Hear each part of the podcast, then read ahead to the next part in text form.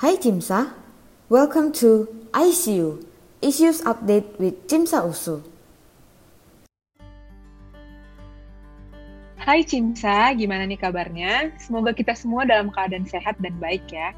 Perkenalkan aku Ruth Teresia sebagai Supervising Council Cimsa USU 2021-2022 yang akan menjadi moderator pada podcast Issues Update with Cimsa USU kali ini. Nah, seperti yang teman-teman tahu, di podcast ICU atau Issues Update with Cimsa USU akan mengangkat isu-isu kesehatan dan dunia kedokteran. Hari ini kita akan mengangkat mengenai lupus. Systemic lupus erythematosus atau yang lebih dikenal dengan penyakit seribu wajah merupakan penyakit inflamasi autoimun kronis yang belum diketahui dengan pasti penyebabnya, di mana sistem imunitas atau kekebalan tubuh seseorang menyerang tubuhnya sendiri. Menurut data penelitian yang dilakukan oleh Kalim, terdapat sekitar 0,5 persen dari sekitar 1.250.000 orang di Indonesia terkena penyakit lupus. Nah, untuk membahas lebih lanjut tentang lupus hari ini, saya ditemani oleh teman-teman dari komunitas lupus Sahabat Cempluk nih. Yang pertama ada Mbak Ian Sofian sebagai founder Sahabat Cempluk. Sore Kak Ian, halo Kak. Halo, selamat sore Ruth. Selamat sore teman-teman Cimsa. Cimsa Usu ya? Iya, iya. Iya, terima kasih sudah mengajak Sahabat Cempluk. Senang sekali, thank you. Terima kasih juga Mbak udah hadir. Selanjutnya ada Mbak Puput Arya sebagai wakil Sahabat Cempluk. Halo Mbak Puput.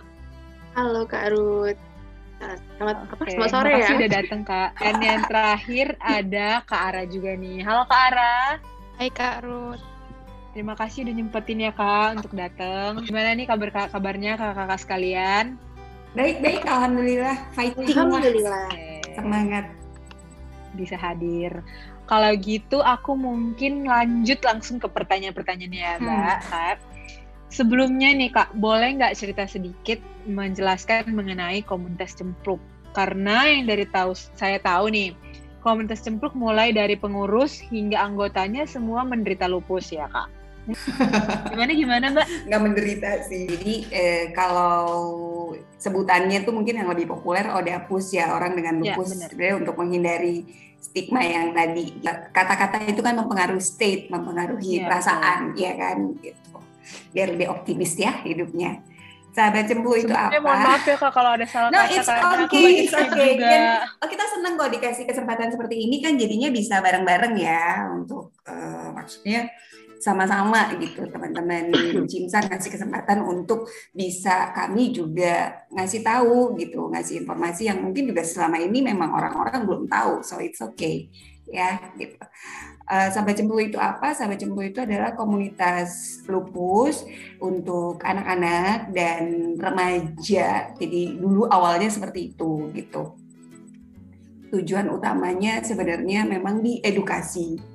Tapi kemudian dalam perkembangannya ternyata kita juga nggak bisa tutup mata bahwa teman-teman ini punya banyak kebutuhan lain yang uh, perlu kita support. Jadi uh, kita akhirnya tumbuh menjadi uh, awalnya dari satu support group yang untuk memberikan dukungan edukasi, uh, dukungan uh, moral buat teman-teman dan keluarga dengan sakit lupus, kemudian bertumbuh dengan berbagai aktivitas. Oke kak, thank you kak. Mungkin Mbak Ara, Mbak Puput ada nambahin mungkin? Uh, sahabat cempluk itu benar yang kata Mbak Ian tadi ya sebelumnya. Jadi uh, kalau saya, saya sendiri kan awalnya itu bergabung ke sahabat cempluk sebagai volunteer karena saya juga penyintas lupus tahun 2014 itu tahunnya, tapi baru ketemu Mbak Ian itu 2016 dan baru minat minat bergabung dengan cempluk itu di 2017.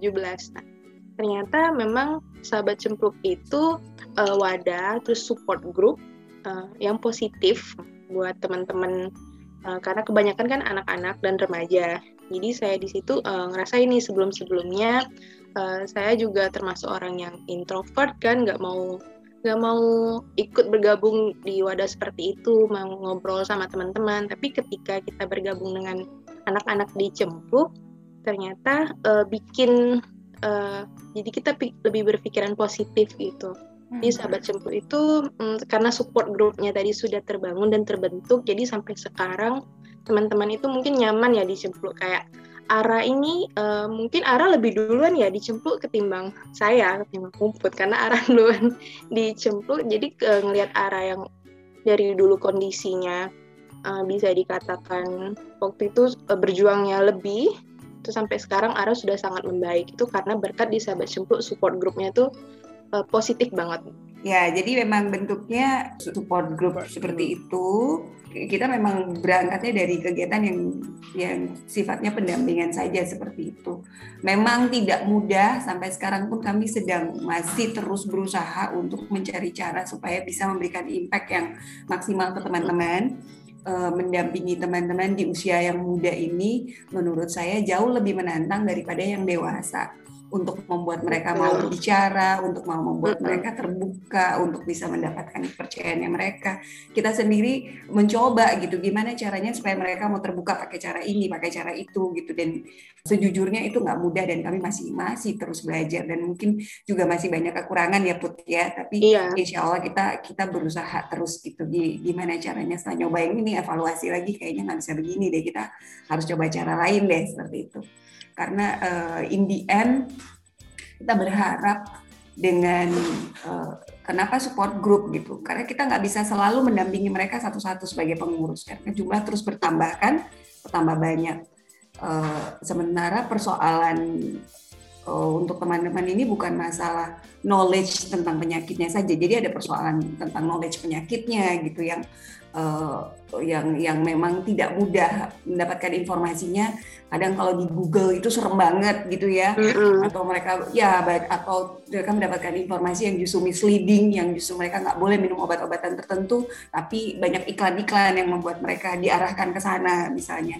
Banyak misleading informasi Lalu kita berupaya untuk membantu menyederhanakan, memudahkan informasi-informasi tersebut supaya mereka bisa memahami kondisinya. Begitupun untuk keluarga. Itu salah satunya. Lalu eh, ada persoalan yang lebih penting lagi adalah kemudian kan ada perubahan fisik dan perubahan psikis dan itu terjadi cukup lama gitu dan perubahan-perubahan itu juga menakutkan gitu ya kadang-kadang sulit untuk mereka untuk menghadapi itu. Jadi ada persoalan psikis yang persoalan-persoalan psikis yang yang menurut kami juga itu sampai saat ini masih jadi PR banget gitu. Gimana caranya gitu ya supaya bisa memberikan dukungan buat teman-teman secara maksimal karena persoalan mental ini yang mungkin menurutku lebih menantang pula daripada si medisnya ya. Medisnya. medis ada dokter gitu ya jelas oh, semuanya gini-gini. Itu yang kadang-kadang nggak apa namanya belum belum banyak belum banyak diperhatikan. Kalau orang-orang dewasa mereka misalnya dikasih platform, dikasih grup gitu ya. Saya ada di berbagai grup dewasa, Pupu juga mungkin iya, Ara juga ya Raya. Itu akan ramai sendiri ngobrol gitu. Tapi kalau anak-anak yes. itu lebih lebih sulit gitu untuk membuat mereka lebih berhati-hati, mereka lebih uh, apa-apa masih malu ntar kalau aku diketawain gimana, ntar kalau aku dilihatnya gitu gimana gitu ya itu challenge challenge challenge-nya di situ sih menurut saya supaya gimana caranya mereka mendapat dukungan yang holistik. Uh, Oke okay, kak, uh, selanjutnya nih pertanyaannya sebenarnya apa itu lupus? Dan, tapi mungkin ini nggak seteoritis itu ya mbak, yeah. seperti yang udah mbak bilang tadi apa-apa udah bisa di Google. Mungkin hmm. kita pengen tahu apa itu lupus dari point of view seorang yang mengenalnya gitu. Hmm. Kemudian bagaimana atau apakah mengenal serangan lupus dari dini itu sangat penting atau mungkin ada kayak personal story gitu bagaimana hmm. mengenal uh, serangan lupus dari uh, dari dini gitu. Karena kan kakak hmm. banyak dealing with children and teenager ya kan. Hmm. hmm, hmm. Oke, okay, kalau menurut Puput ya Puput. Karena awalnya dulu personal ceritanya itu 2013 itu uh, baru awal banget masuk kuliah. Kuliah. Karena sebelumnya itu nggak pernah sakit ya sakit sakitnya paling batuk pilek. Tapi yang dirasain ini berbeda kali ini. Sakitnya tuh kayak uh, kok sakitnya tuh lama ya? Entah itu demamnya lama terus tiba-tiba tulangnya sakit semua tapi itu udah bolak balik ke dokter. Tapi kan dokter bilangnya oh ini tipes. Oh ini gejala DB oh ini bla bla bla. Jadi yang diobati ya sesuai diagnosa dokter awalnya itu. Terus makin lama makin lama uh, semua badan ini bener-bener nggak enak. Sampai bener kayak uh, kakinya nggak bisa ngerasain uh, ngerasain suatu apa itu kaku kesemutan gitu. Terus juga saat lagi uh, beraktivitas itu gampang banget capek terus ke apa fatigue itu bener-bener capek banget apalagi awal-awal kuliah gitu.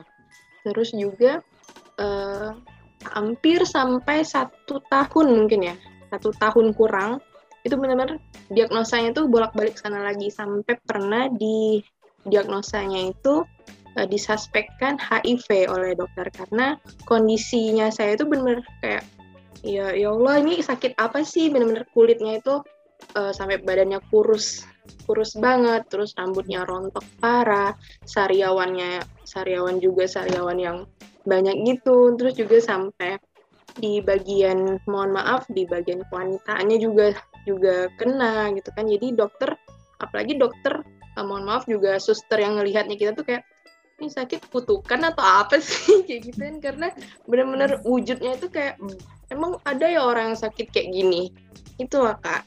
Terus juga kan dulu juga sosial media tidak tidak segampang sekarang kalau kita mencari informasi gitu.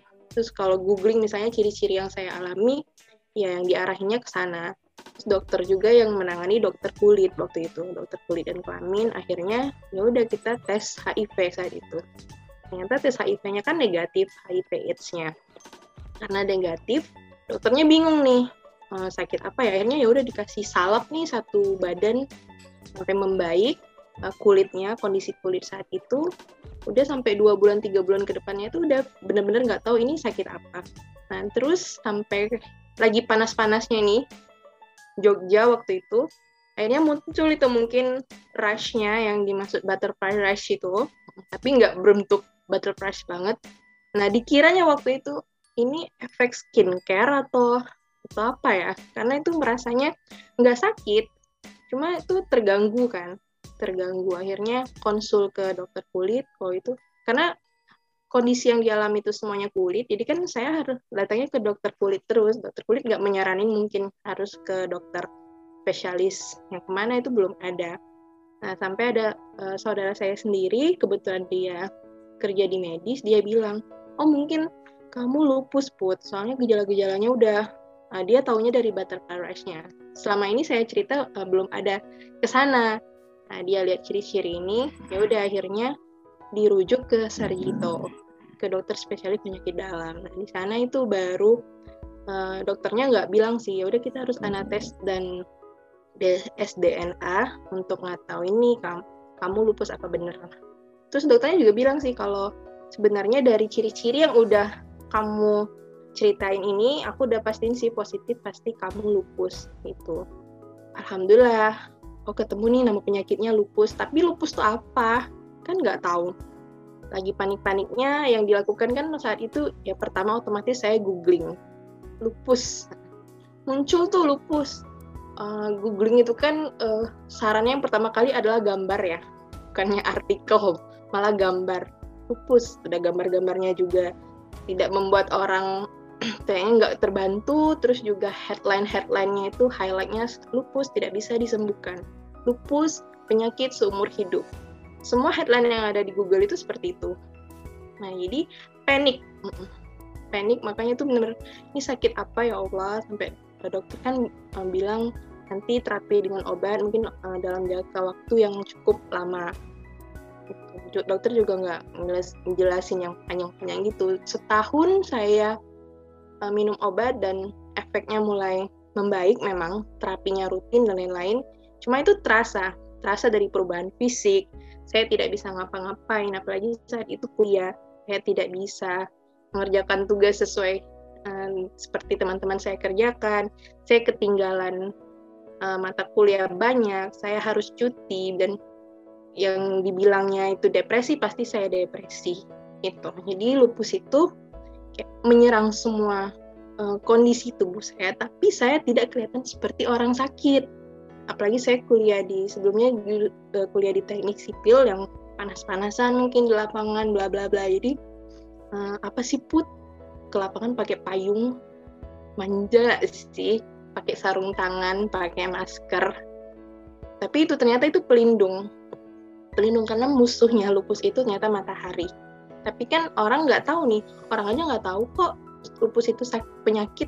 Banyak masih banyak belum tahu dulu yang tahunya dulu sampai sekarang juga kayaknya masih banyak yang iya soal matahari soal matahari itu dengan stigma. Jadi salah satu memang challenge-nya teman-teman lupus itu adalah stigma seperti tadi yang dialami puput misalnya kayak uh, aku misalnya beberapa waktu yang lalu uh, ke resto gitu jarak dari mobil ke pintu masuk itu lumayan dan matahari lagi panas-panasnya gitu kan. Jadi saya lari gitu karena apa payung nanggung. Jadi lari lah ke untuk masuk ke resto itu terus kita ah, panas panas gitu. Sambil gitu ya biasanya cewek-cewek kan gitu ya so iya. gitu, ah, panas panas gitu. Masuk ke resto gitu. Lalu di situ ada segerombol wanita-wanita gitu yang mereka ngelihatnya kayak mungkin eh, ini cewek sok ini banget ya. Terus mereka lari ke mobil sambil niruin yang saya lakuin eh panas panas hahaha gitu So ya, yeah. salah satu challenge-nya saya aja yang gede-gede, puput yang gede-gede baper ya pagi arah gitu iya, betul. dari dari SMP aja kayak gitu. gini aja. So kalau ditanya lupus itu apa? Lupus itu temen temen jalan, temen iya. jalan, temen jalan, uh, temen jalan yang yang kayak mesti dipahamin dia apa, dia siapa dan bagaimana ngadepinnya dan karakternya itu bisa berubah-ubah dalam perjalanan ya kalau teman-teman secara umum kan tahu bahwa lupus itu adalah penyakit autoimun gitu, di mana sistem kekebalan tubuh kita error. Namanya sistemnya error gitu, berarti bisa apa pun terjadi gitu. So dalam perjalanan itu tuh kayak hubungan dua orang gitu yang uh, sama-sama bertumbuh, si pasiennya bertumbuh, si penyakitnya ini juga bisa jadi bertumbuh ke arah yang lain yang yang kadang-kadang kok aku nggak pernah ngalamin sejarah 23 tahun aku dengan lupus, aku nggak pernah nih ngalamin yang kayak gini. Mungkin Puput sama Ara juga ngalamin ya yang kayak gitu. Jadi ini kayak terus gitu, kayak sawah pasangan yang kita mesti terus mengenali, memahami, karena bisa jadi uh, pada satu titik dia udah nggak seperti dulu lagi gitu dengan kita. Gitu. Ara ngalamin gitu nggak? Ara dulu umur berapa sih SMP Duh, Ara ya? Iya, 12 tahun. Dari umur 12 tahun. Mm -hmm. Sekarang umur besok tanggal 16 19 tahun. Ah, akan makan Gimana Ra? Lupus menurutmu adalah titik-titik-titik? Titik-titik. Hmm, apa ya? Sebenarnya bisa jadi temen, bisa jadi musuh. Mm-hmm. Soalnya uh, tergantung keadaan badan kita. Kayak apa ya? Kayak kita tuh jadi inangnya gitu Hmm. Kalau mood misalnya kalau tergantung mood nih. Kalau mood kita lagi buruk gitu, dia kayak ngambek gitu. Terus kalau kita lagi happy, dia juga diem-diem aja. Uh, karena ke arah mungkin tadi ceritanya Mbak Ian dari umur 12 tahun ya Mbak ya. Uh, mungkin uh, mengenal serangan lupus dari dini kan uh, mungkin apakah adalah hal yang penting gitu? Mungkin boleh diceritain story-nya juga kayak Mbak Puput tadi kan udah hmm. masuk kuliah ya. Kalau 12 hmm. tahun itu bisa dibilang masih SD mungkin, Mbak. Hmm. Cukup dini gitu. Mungkin boleh hmm. diceritain, Mbak, sedari dini itu penting atau tidak menurut Mbak? Hmm. Nah, dulu tuh sebenarnya dari SD itu aktif di organisasi kayak ekskul pramuka gitu. Terus suka banget tuh camping, kemah gitu agak sering ditinggal juga sih sama ibu. Soalnya uh, nenek nenek yang dari ibu juga sakit gitu. Terus kayak sering minta temenin berobat gitu. Waktu itu pas umur 12 ditinggal ke Jakarta. Itu tiba-tiba kaki yang kiri itu bengkak. Merah banget gitu. Sakit disenggol sedikit sakit Nah, habis itu dua minggu kemudian ternyata bengkak lagi di sebelah kanan. Awalnya kayak biasa aja gitu mungkin keseleo habis olahraga. Ternyata dibawa ke dokter dekat rumah, disuruh ke spesialis anak dulu di kotanya. Terus kata dokternya tuh harus cek lab gitu. Cek lab, habis itu hasilnya kurang bagus. Nah, habis itu minta saran gitu sama dokter di situ, disuruh ke Jakarta atau Bandung atau Jogja. Terus pilihannya ke Jogja karena kakak di sana. Sekalian ketemu. Terus di sana diagnosa awal itu katanya sih demam rematik akut, tapi ternyata udah didiagnosa SLE pas itu. Tapi ibu nggak mau bilang nanti takutnya searching-searching gitu di Google Nah, terus habis itu denger-dengar kayak udah tahu sendiri gitu. Soalnya orang tua ngomongnya juga keras gitu, jadinya otomatis kedengeran. Habis itu bisi yang kuat ya, Mbak ya. Iya. Bisik-bisiknya pakai speaker. Iya. habis itu kayak penasaran tuh sama penyakit itu tuh gimana. Ya searching dong di Google. Awalnya searching malah bukan soal penyakit yang keluar tuh. Kayak apa gitu berita kayak film gitu. Terus habis itu searching-searching lagi tuh ternyata namanya bukan lupus doang, ada SLE. Lupa deh kepanjangannya apa Mbak Iya. Terus lihat-lihat ngeri banget gitu, jadi takut gitu. Yang tadinya awal awal-awal itu aktif buat organisasi, buat ekskul, jadinya tuh nggak bisa aktif lagi gitu. Soalnya kena sinar matahari nggak boleh, kecapean nggak boleh. Jadi umur 12 tahun itu ya Raya? Ya. Kalau memang salah kalau pertanyaannya baru uh, Karu tadi bahwa penting nggak deteksi dini? Penting banget. Jadi uh, saya sendiri itu kan mulai sakit 98. Sakit 98 baru terdiagnosa lupus di 2003. Baru terkontrol di sekitar 2007 98 sampai 2003 itu keluar masuk rumah sakit dengan berbagai diagnosa mulai dari talasemia sama kan puput dan lain-lain. Hampir semua itu pasti mengalami misdiagnosis juga di awalnya gitu kan. Uh, mulai talasemia kemudian uh, segala macam lah. Mulai dari oh mulai dari yang ringan ya tipes habis itu uh, apa demam berdarah dan seterusnya dan seterusnya sampai talasemi gitu ya sampai diambil tulang sum-sum tulang belakangnya di, di dibor sum-sum tulangnya dicek segala macam. Karena saya kebetulan yang yang diserang adalah sel darah merah gitu trombo trombotipenia istilahnya ya. Hmm, trombositnya. Oh, jadi seperti itu. Uh, sampai tahun 2007 tuh kayaknya ya periode 93 98 2003 sampai 2007 tuh kayaknya setiap bulan transfusi darah seperti itu ya dan nggak jelas uh, uh, uh, sorry 2003 terdiagnosa lupus hidupnya dari transfusi darah dan seterusnya gitu. kualitas hidupnya pasti menurun ya kualitas hidupnya pasti menurun. Dan itu yang menjadi tantangan uh, kebanyakan orang. Kenapa perlu deteksi dini? Kenapa perlu eh, dokter-dokter? Uh, ada pemerataan kemampuan mendiagnosa lupus ini gitu ya. Harapannya ini teman-teman CIMSA dari uh, sudah mulai terpapar informasi ini lima tahun lagi tiga tahun lagi kita berharap kemampuan mendiagnosa ini lebih merata gitu. Karena itu salah satu tantangannya. Semakin cepat terdiagnosa akan semakin cepat tertangani ya karena semakin cepat terdiagnosa dia tidak akan memburuk dengan cepat gitu kan benar nggak? Karena lupus itu e, berbeda dengan cancer yang misalnya stadium 3 ketahuannya kalau cancer gitu ya kebanyakan kan gini tiga berarti itu memang udah buruk nih tiga mungkin dia bisa memburuk lagi. Kalau di lupus kan berbeda misalnya ketahuannya pada kondisi buruk pun kalau tertangani dengan benar dia bisa turun lagi ke level yang ringan, sedang, berat. Kalau di lupus kan seperti itu. Kalau di lupus ketahuan dalam kondisi berat pun, kalau dia bisa tertangani, maka dia bisa turun jadi mild, bisa juga dia turun jadi, jadi rendah, gitu.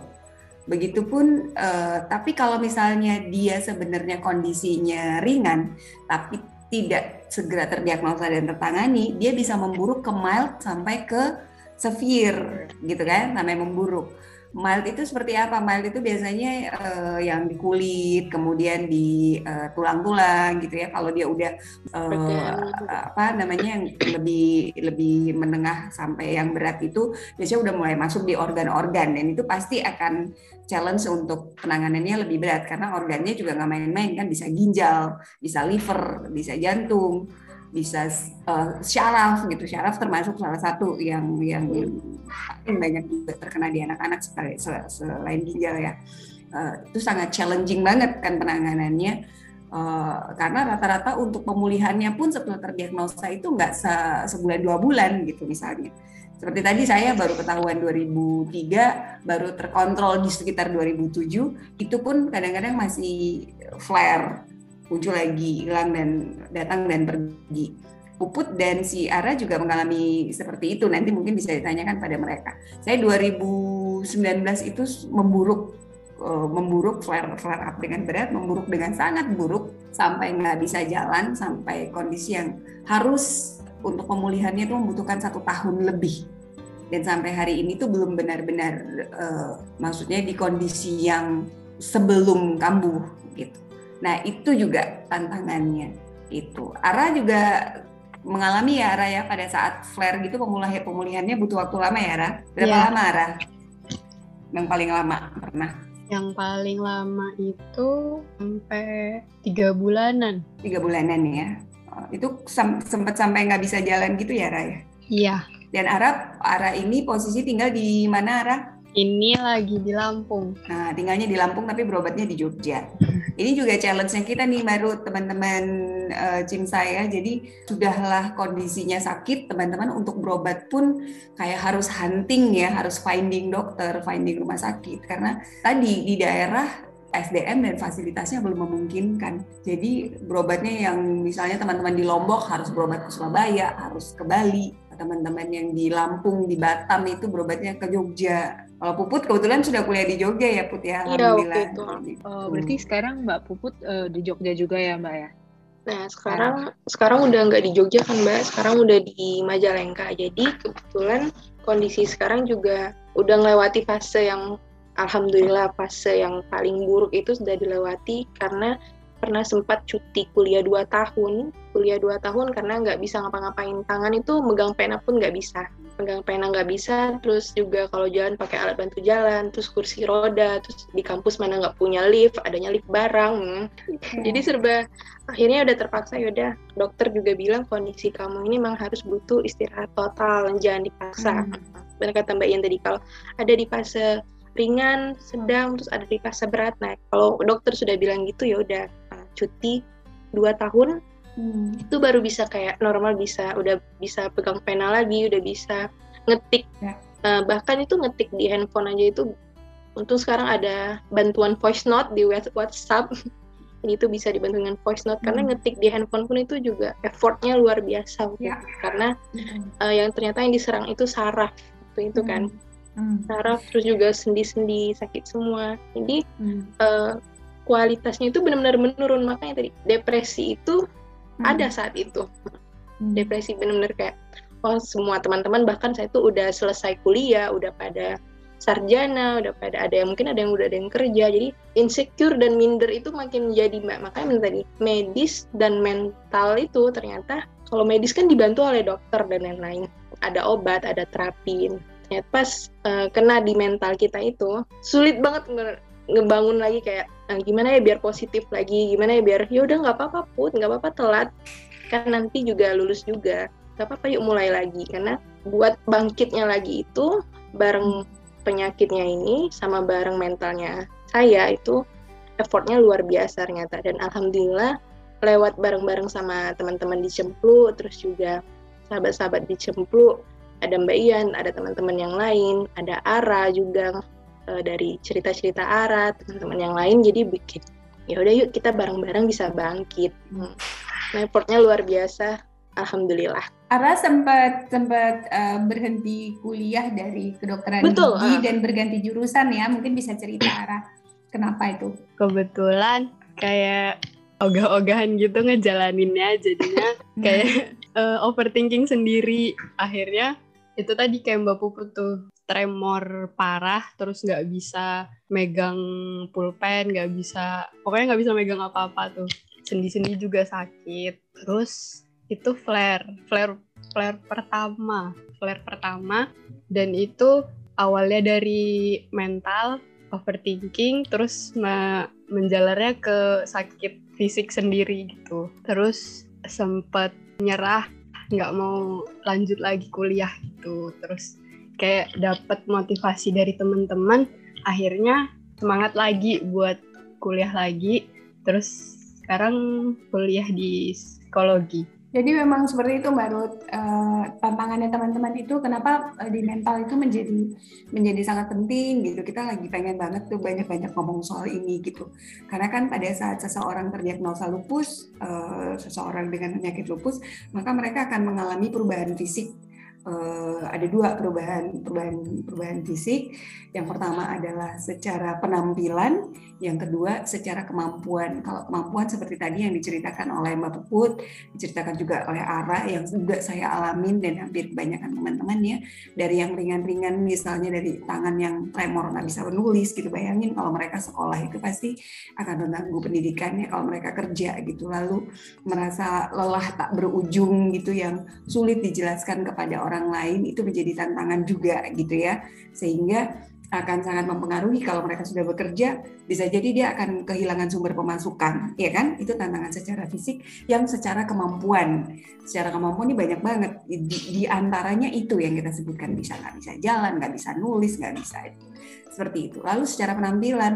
Secara penampilan teman-teman Jinsa juga mungkin uh, pernah mempelajari gitu bahwa pasien lupus bisa mengalami uh, perubahan mulai dari kulit yang tadi misalnya di wajah tidak sesederhana hanya berbentuk kupu-kupu, tapi banyak yang seperti jerawatan, beruntusan, dan itu nonstop dan itu sangat melelahkan gitu, karena kadang-kadang nggak ketahuan harus diapain gitu, seluruh badan stretch mark gitu ya. Lalu ketika efek obat-obatan membuat kita jadi bertambah berat badan secara drastis, wajah menjadi moon face gitu ya, eh, hampir kita semua mengalami itu. Buat perempuan Uh, kita nggak usah ngomong perempuan, uh, kita nggak usah ngomong anak-anak seumur Ara yang 12 tahun SMP SMA yang lagi seneng-senengnya uh, ngerasa lucu gitu ya, lagi penampilan itu lagi penting banget gitu. Yang udah dewasa aja stres depresi kan ketika perubahan fisiknya tiba-tiba jadi gendut, tiba-tiba jadi wajahnya berubah, tiba-tiba jadi besar segala macam. Nah, itu uh, kemudian pasti akan berpengaruh ke psikis. Belum lagi ketidakpastian. Kadang-kadang lupus itu kan sulit dijelaskan. Kadang-kadang kita mengalami tapi nggak bisa dijelaskan juga oleh dokter sebenarnya apa yang kita alami. Kalau kemarin mengikuti interviewnya dokternya si Selena Gomez bahwa ya pasien lupus itu pun uh, secara psikis mereka mengalami anxiety gitu kan, kecemasan dan sebagainya. Dan itu overlapping antara efek samping obat-obatan atau akibat dari si penyakit itu gitu. Nah, itu yang kadang-kadang kurang diedukasi dari uh, dokter kepada pasien ataupun kepada keluarga gitu. Jadi uh, si pasien ini harus mencari-cari dan berusaha memahami. Berkomunitas itu sebenarnya membantu untuk kita saling saling menemukan, memvalidasi bahwa kondisi saya itu normal dialami oleh orang dengan penyakit lupus. Oh, orang dengan lupus. Ya. Iya, betul kan? Ara mengalami nggak, Ra? Konfirmasi seperti itu ya, ketika teman-teman aku mengalami seperti ini gitu ya oh aku juga ngalamin. Mungkin tidak semua mengalami, tapi menemukan satu dua orang yang punya kesamaan itu membuat kita, oh itu wajar dialami oleh orang dengan lupus. Jadi sebenarnya di antara bentuk dukungan yang lain dalam berkomunitas itu sebenarnya itu. Gitu. Oke, makasih Mbak Ian, Mbak Puput, Mbak Ara. Jadi tadi udah menceritakan tentang kendala, kemudian juga udah tadi sedikit tentang harapan Odapus kepada pemerintah dan tenaga medis mengenai kemampuan identifikasi dan penanganan autoimun di Indonesia yang belum merata. Jadi kan tadi hmm. aku mungkin rangkum sedikit ya Mbak ya, ya. Uh, supaya Mbak Mbak bisa nambahin. Tadi harapannya ya semoga center-center pelayanannya itu ya nambah supaya contohnya yang seperti arah dari Lampung nggak mesti ke Jogja atau misalnya tiba-tiba kita ada flare dan kita jauh dari dokter kita itu kita punya second choice gitu ya Mbak ya. Yes. Uh, mungkin ada tambahan lain Mbak selain dari tadi yang juga mungkin dokternya kayak lebih ke membina apa ya istilahnya feeling kita gitu ya. Karena kan hmm. kalau misalnya penyakit-penyakitnya tahu tadi kan Mbak Ian cerita dikit ya kayak bingung apa sih yang terjadi sama aku gitu. Ada harapan-harapan hmm. lain mungkin buat pemerintah dan tenaga medis mengenai hmm. kemampuan identifikasi dan penanganannya? Kalau dari puputnya, pelayanan medis punya trauma mbak. Punya trauma ada waktu di UGD misalnya. Saya trauma terus sama suster-susternya kan. Karena biasanya suster-suster itu uh, kita datang nih hal yang pertama yang dilakukan dengan dengan keluhan kita nyeri badan saya nyeri sus semuanya nyeri nggak enaknya ini kaku bla bla bla. Hal pertama yang dilakukan perawat itu adalah kan mengecek suhu terus juga tensi. Udah itu hal pertama yang dilakukan mereka. Terus ah normal itu sudah dengan keluhan-keluhan yang udah saya bilang tadi masuk UGD itu jadi kayak saya nggak di eh, nggak uh, terlalu diprioritaskan gitu. Nggak terlalu prioritas karena eh mungkin mbak ini stres aja kali ya. Jadi mungkin uh, anggapan perawat-perawat itu ya udahlah uh, kayaknya soalnya dari suhu dari bla bla bla itu normal semua. Tapi kan keluhan-keluhan tadi uh, sus kepala saya ini benar-benar sakit nah, terus tulang belakang saya benar-benar sakit terus yang udah dibilang saya punya riwayat lupus SLE bla bla bla dengan dokter. Tapi kelihatan kan dari apa ya mungkin mimik wajah dan lain-lain. Kayak ah itu kayak kayaknya cuma entah itu dibilang kitanya manja atau apa tapi hanya stres aja. Oh kamu stres aja mungkin ya. Apalagi kuliah mahasiswa gitu kan. Ah, nah itu stres jadi kayak nggak diprioritaskan dan kita sebagai pasien ya jadi malah ogah-ogahan ke rumah sakit. Terus kayak ada trauma aja gitu ngelihat jadi kayak dianggap dianggapnya kita nggak kayak orang sakit.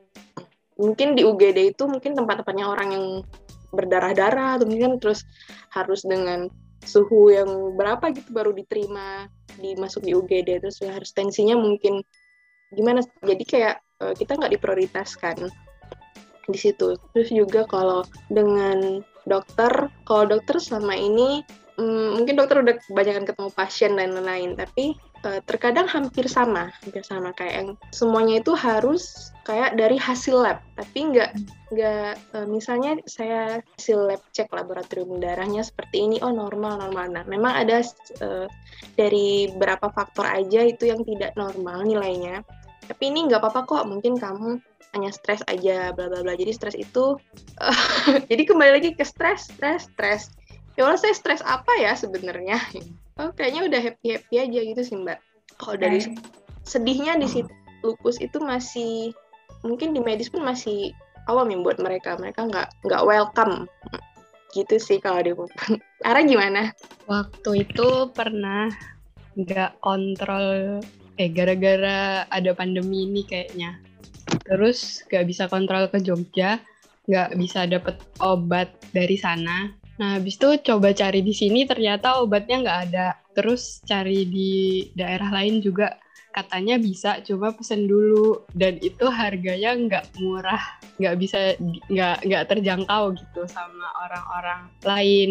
Sam, dari aku juga nggak cukup terjangkau gitu. Terus kenapa harus dari jauh dulu gitu dapat obatnya gitu. Di sini nggak ada gitu. Terus ya? Iya, harus pesen dulu susahnya itu. Hmm. Akhirnya dikontrolin daring gitu, obatnya dikirimin. Terus kayaknya di Indonesia ini perlu edukasi gitu tentang penyakit kita. Dan nggak semuanya itu tuh ngerti soal kita. Soalnya dari tampak luar nih biasa-biasa aja baik-baik. Hmm. Padahal kan nggak nggak baik-baik aja bukan bu pengen dimanja cuma itu tuh ya itulah mungkin kalau diingat-ingat lagi pengalamannya pasti lebih banyak ya cuman yeah. yang paling baru ya itu ya masalah obat untuk Ara dan yeah. untuk aku menambahin ya baru oh silakan Bayan okay. tadi cuma um, memastikan Ara udah oh. selesai oke okay. silakan Uh, jadi kalau Uh, kemarin kan ini Hari Lupus Sedunia kita peringati dengan mengajak uh, banyak sekali sekitar 25 ya bahkan lebih organisasi lupus dari seluruh Indonesia gitu. Itu pertama kalinya uh, pertama kalinya kita bergabung, kita menginisiasi mengajak semua bergabung dan dari sana kita juga jadinya ngobrol banyak dengan teman-teman komunitas gitu. Dan memang salah satu challenge-nya seperti yang disampaikan Pak si Ara tadi ya. Tadi selain sentral-sentral pengobatannya juga untuk obat-obatannya. Fasilitas BPJS kemarin dari seminar nasional kita itu dari BPJS menyebutkan bahwa uh, peraturan itu berlaku nasional gitu. Nasional. Tapi dalam prakteknya uh, peraturan yang mana nih misalnya untuk cover obat-obatan di Jogja itu uh, obat-obatan bisa diambil untuk dua minggu. Di Jakarta ternyata bisa satu bulan waktu itu ya Put ya. Yes. Di Jakarta bisa satu bulan, di Jogja itu dua minggu. Di daerah Medan beda lagi. lagi. Medan beda lagi gitu. Di luarnya beda lagi gitu. Uh, ada yang cuma satu minggu misalnya kayak gitu ya. Benar. ya Ada lagi yang obatnya lebih sering nggak ada. ah, gitu ya. Itu ada kebijakan rumah sakit masing-masing dan pasti lebih lebih rumit gitu. Tetapi itu adalah persoalan yang dialami di lapangan. Saya punya kecurigaan bahwa lebih banyak orang dengan autoimun termasuk lupus yang tidak terdiagnosa. Karena tadi ketidakmampuan untuk mendiagnosa. Jadi kayak uh, gunung es gitu. Kelihatannya di atas cuma kecil gitu ya tapi di bawah ini banyak gitu. Jadi sebenarnya meningkatkan kemampuan mendiagnosa ini menjadi sangat penting gitu. Karena di situlah pintunya untuk mencegah memburuk, eh, memburuk kondisi pasien gitu. Ya kalau kondisinya ringan akan lebih mudah obat-obatannya pun uh, insya Allah tidak tidak akan seberat yang yang yang kalau kondisinya jelek gitu itu ya akses obat-obatan, kemudian kemampuan mendiagnosa, kemudian kebijakan yang mencakup untuk semuanya gitu ya. Balik-balik lagi ke deteksi dini tadi di awal ya Mbak hmm. ya itu menjadi sangat-sangat penting. Ya kemudian menurut saya memang penting sekali untuk kita mulai sama-sama eh, tentang kondisi kesehatan mental karena seperti penyakit kronis lainnya penyakit yang seumur hidup ini tantangannya kan luar biasa tadi mempengaruhi kualitas hidup. Kalau yang orang sekolah gitu ya teman-teman yang di sekolah misalnya kita punya program untuk mengedukasi ke sekolah supaya teman-temannya paham supaya gurunya guru-gurunya paham. Itu pun kami tidak selalu mendapatkan dukungan dari sekolah. Kita tidak selalu mendapatkan dukungan dari sekolah. Sulit untuk untuk masuk untuk memberikan edukasi untuk ngasih tahu kenapa temenmu itu jadi gendut? gitu. Jangan jangan diledekin ya jangan dibully ya. Uh, atau fasilitas sekolah yang tadi misalnya lantai dua lantai tiga. Sementara mereka jalan aja nggak bisa gitu. Nah ada lagi tuh kita kasus ngalamin yang dipaksa ospek. Ada tuh kasus yang kemarin ada satu yang baru berhenti kuliah teman kita terpaksa berhenti karena dia nggak bisa dapat dispensasi supaya beristi uh, mengurangi uh, apa ya dispensasi untuk kondisinya gitu supaya misalnya tugasnya yang harus selesai hari Senin saya boleh nggak izin Pak gitu kondisi saya sedang nggak baik-baik aja itu sulit karena apa ya tadi secara orang masih ngelihat dari luar bentuknya seperti itu gitu Nah, kalau edukasi tadi apa sih yang kita lakukan? Kita berusaha untuk membuat media edukasi. Mungkin teman-teman bisa cek di @sahabatcembuk. Kita berusaha untuk membuat media edukasi di mana uh, media edukasi itu mudah untuk dipahami tanpa mengurangi bobot informasinya. Mudah-mudahan itu membantu ya tentang bagaimana uh, gejala lupus awalnya, bagaimana uh, kita berusaha untuk membuat edukasi-edukasi dari perspektif pasien. Karena biasanya kan media edukasi yang ada tuh kebanyakan memotret dari sudut pandang medis ya dari sudut pandang medis. Jadi yang kita lakukan adalah kita mempelajari lagi jurnal-jurnal itu, lalu kita uh, dari sudut pandang pasien gitu. Kenapa sih orang mengalami ini? Lalu kita mencari literaturnya, kita pelajari, kita berdiskusi dengan dokter, kita membuat media-media edukasi itu. Harapannya sih oh, nggak cuman uh, pasien, tapi juga mereka bisa uh, apa ya share informasi itu ke keluarga. Lalu minimal teman-teman itu punya satu uh, support system satu dari keluarganya ada pemahaman itu yang paling penting ya dari pemahaman secara mereka secara fisik secara mentalnya lalu kemudian support system dari si support group ini sendiri sahabat cempunya gitu ya. Lalu kemudian dari masyarakat. Tapi kalau dari dua ini aja masyarakat yang mana? Masyarakat yang paling sering teman-teman uh, hadir itu kan adalah sekolah atau kampus gitu ya. Nah ini kalau mereka nggak dapat dukungan dari situ itu akan sulit sekali nantinya gitu kalau yang sudah bekerja lingkungan kerja pastinya, ya kan? Seperti itu sih, Mbak Ruth. Oh, mulai agak-agak emosi, nggak boleh nanti sakit lagi, dosisnya naik. iya, kayak kata Ara tadi ya Mbak ya, hmm. harus kita baik dia juga baik berdamai hmm, gitu ya dengan betul. dengan si lupus itu. Iya. Nah ini udah sampai ke pertanyaan terakhir nih Mbak. Hmm. Uh, harapan bagi para odapus di luar sana yang masih kesulitan berjuang melawannya atau mungkin jangan melawan karena dia nggak bisa dilawan dia nggak ke mana-mana. Berdamai dengan lupus. Apa hmm. harapan untuk para pendengar podcastnya juga? Silakan untuk Mbak Ian Mbak Puput Ara. Ara dulu deh gitu. Terutama buat teman-teman yang dari usia usia seusia Ara kan. Maksudnya Ara mewakili teman-teman yang dari usia remaja nih masih panjang nih perjalanannya ya. Ayo Ara. Fighting Ara. Pokoknya semangat terus jalannya itu masih panjang dan kehidupan itu harus terus jalan. Pokoknya semangat buat Odapus. Apalagi ya? Jaga jaga jaga emosinya. Jangan kecapean juga, jaga kesehatan pokoknya. Mbak Puput mungkin mau nambahin? Oh, iya. Iya, uh, buat teman-teman lupus, buat teman-teman autoimun di di mana pun berada, teman-teman Cimsa Usu, uh, semangat ya. Saya saya juga penyintas lupus di sini sama Ara, sama Mbak Ian dan sama sahabat-sahabat Cempu juga uh, kita sama-sama ngelewatinnya. Jadi lupus itu memang unik ya, unik. Terus seperti kata Mbak Ian tadi, jadi kayak teman jalannya kita. Terus juga kalau kata Ara, uh, dibawa enjoy aja kalau kita happy nanti fokusnya juga mengadjust mungkin ya gitu ya Area dan mudah-mudahan juga sentral kesehatan medis di seluruh Indonesia segera merata biar terdeteksi dini itu buat diagnosa lupus itu segera terrealisasi seperti yang kita harapkan gitu. Amin. Fighting. Fighting, cemblo fighting. Uh, dari Mbak mungkin Mbak sebagai closing hari ini. Oke, okay, uh, eh, saya pengen underline yang tadi Puput alami soal uh, bagaimana kadang-kadang kita mendapatkan uh, salah satu tantangan teman-teman itu adalah ketika harus menjelaskan kondisi kita kepada uh, enggak orang lain, terutama kadang-kadang uh, tuh memang menjadi sangat challenging ketika kita datang ke rumah sakit yang kita harapkan kita mendapatkan support karena di sanalah tempat di mana kita sebenarnya ingin merasa aman. Kenapa? Karena rumah sakit itu harusnya ada uh, segala support yang kita butuhkan kalau misalnya terjadi sesuatu dengan kita, ada dokter, ada suster dan lain-lain. Jadi ketika kita sampai di sana lalu kita merasa uh, dianggap hanya sakit dalam tanda petik sakit jiwa psikosomatis dan lain-lain itu sangat sangat sangat berat buat kami.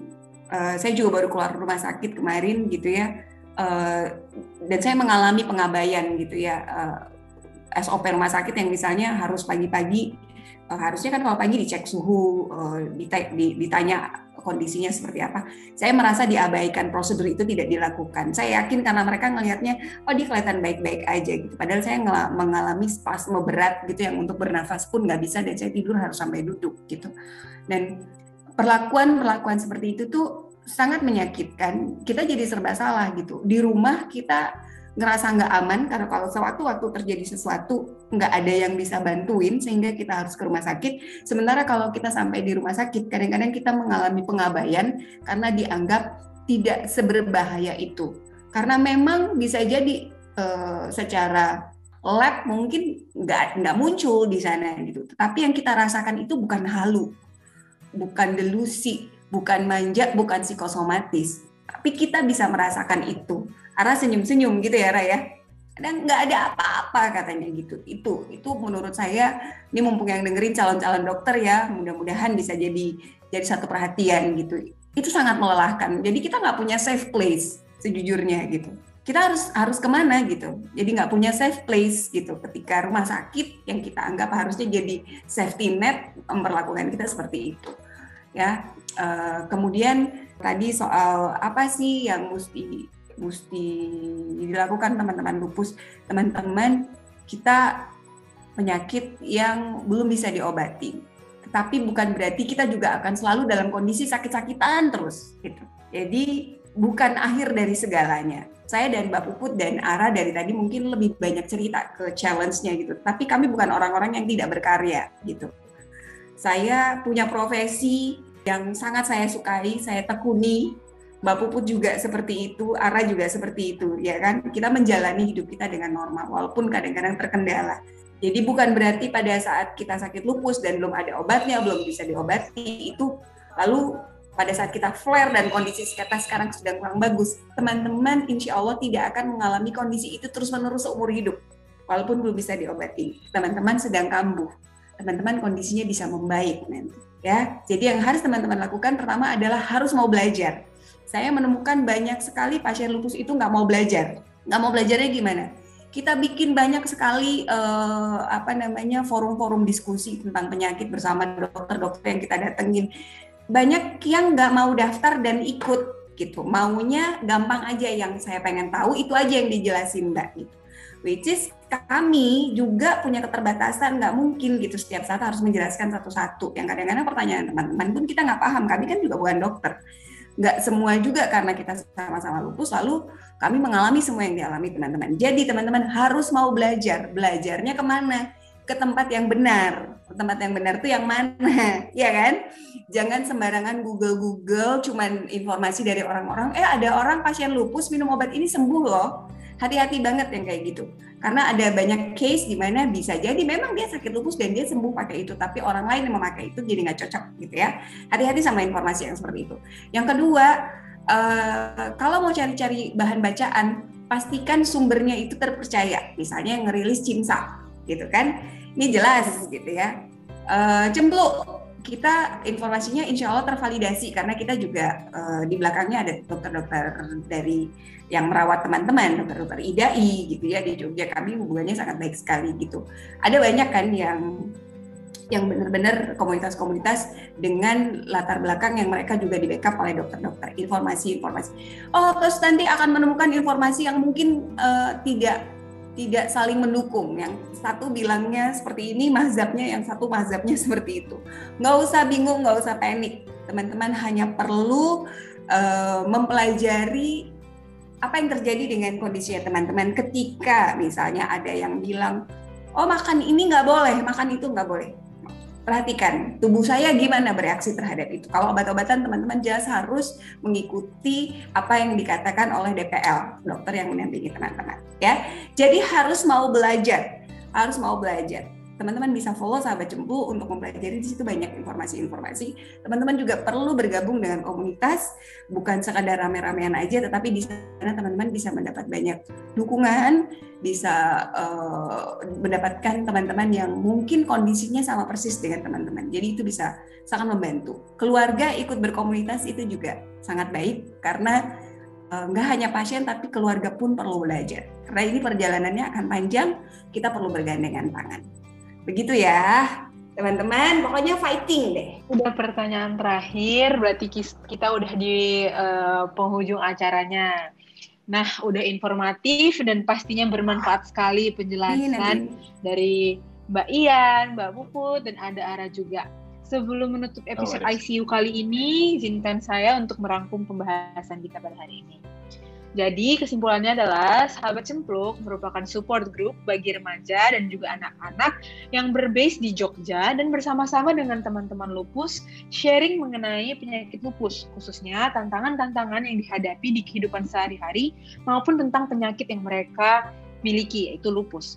Tantangan terbesar bagi Odapus kali ini adalah bagaimana lupus mempengaruhi psikis dan juga pelayanan kesehatan yang belum bisa mengakomodasi Odapus dan harapannya pelayanan medis dapat semakin membaik e, dari baik pelayanan maupun juga obat-obatan dan lain-lain. Dan bagi teman-teman lupus dan teman-teman pendengar podcast kali ini, perlu diingat lupus bukan akhir dari segalanya. Ketika kita mengalami flare, perlu diingat lupus akan membaik dan kita pasti bisa kembali beraktivitas, bekerja, belajar, dan juga yang paling penting tadi udah dibilang sama Mbak Ian harus belajar. Kita harus mengingat uh, apa yang kita alami harus mengenal diri sendiri dan tadi pesan dari Ara juga dan dari Mbak Puput harus semangat pastinya Uh, mungkin itu aja dari aku. Terima kasih kepada komunitas Lupus Sahabat Cempluk yang sudah hadir dan memberikan informasi yang sangat informatif kepada kita hari ini. Semoga segala yang disampaikan dapat menjadi bahan pembelajaran bagi kita ke depannya. Terima kasih juga kepada para pendengar, selalu jaga kesehatan di mana pun dan kapan pun, serta tetap menerapkan protokol kesehatan. Saya Teresia, selaku moderator pada episode kali ini, pamit undur diri. Terima kasih Cimsa.